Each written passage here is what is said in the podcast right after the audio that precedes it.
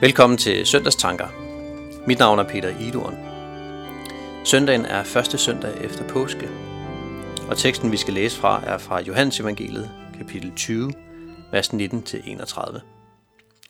Vi vil nu høre sangen Korsets Magt med Marie Lind.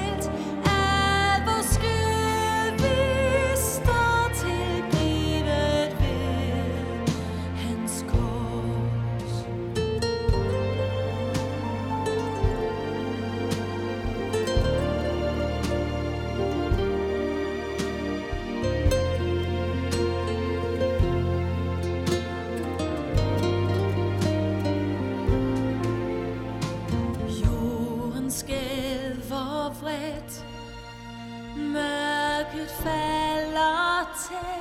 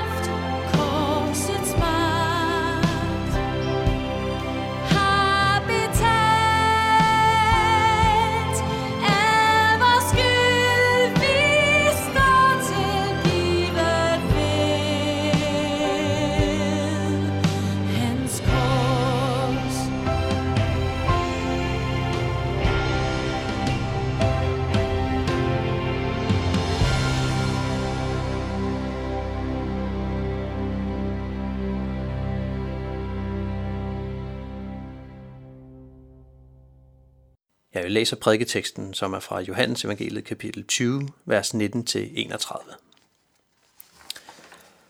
Om aftenen, den samme dag, den første dag i ugen, mens disciplene holdt sig inde bag lukkede døre af frygt for jøderne, kom Jesus og stod midt i blandt dem og sagde til dem, Fred være med jer.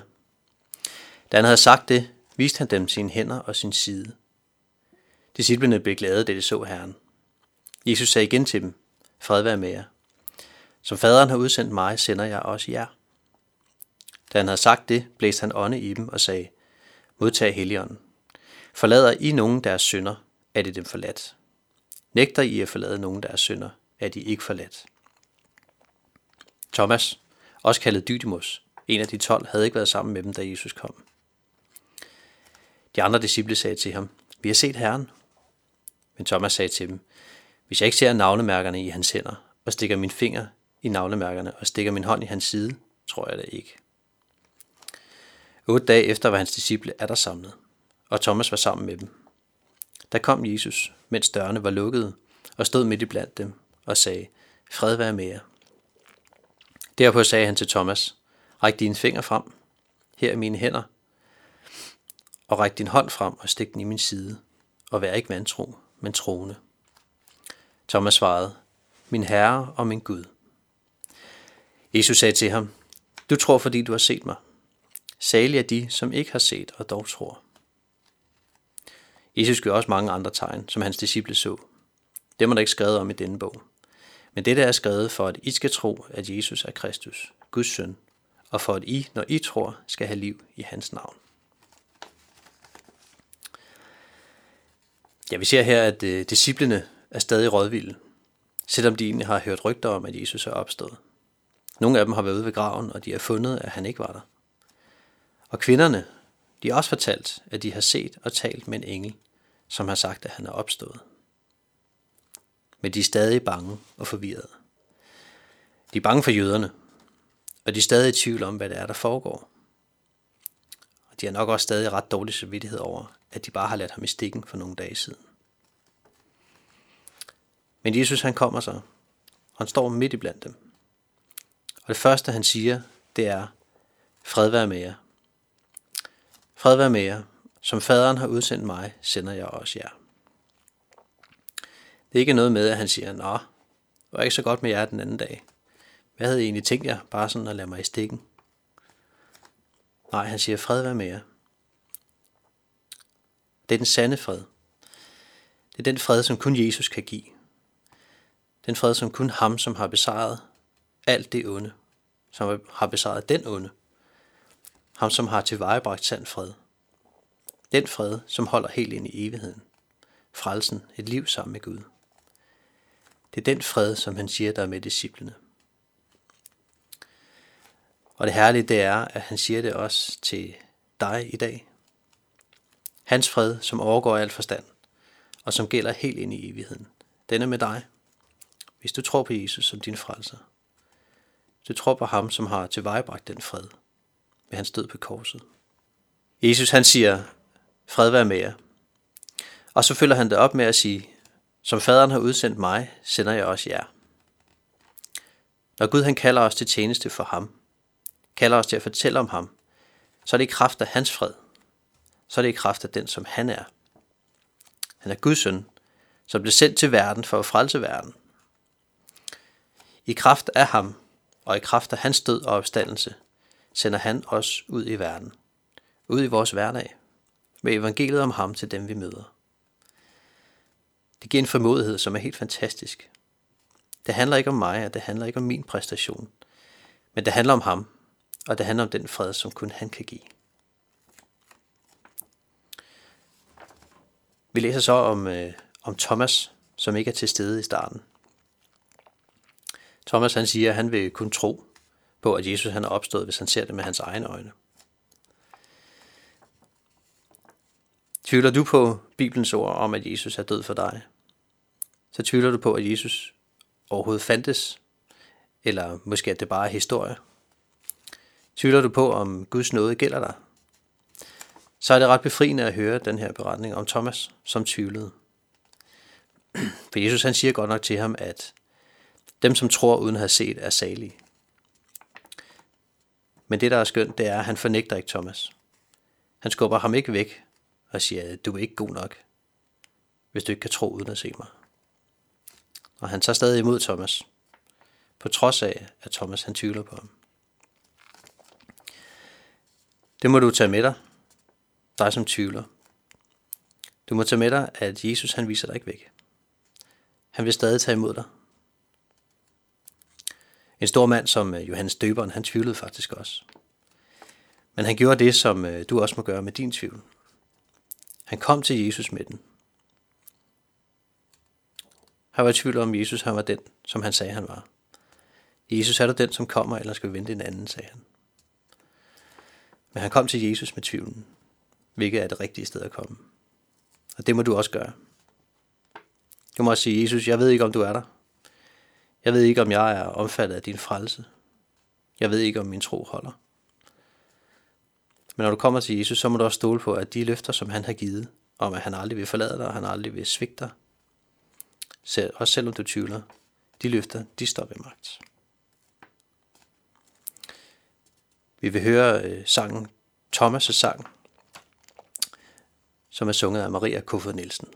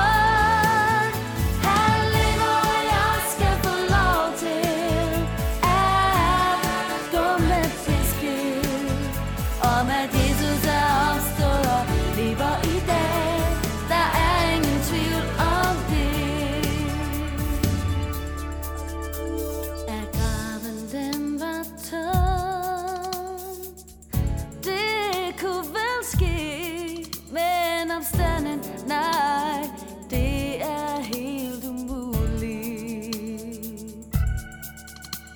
Jeg vil skam gerne tro Men jeg må da se. Jeg må da se, ellers er det for utroligt, yeah. Men så pludselig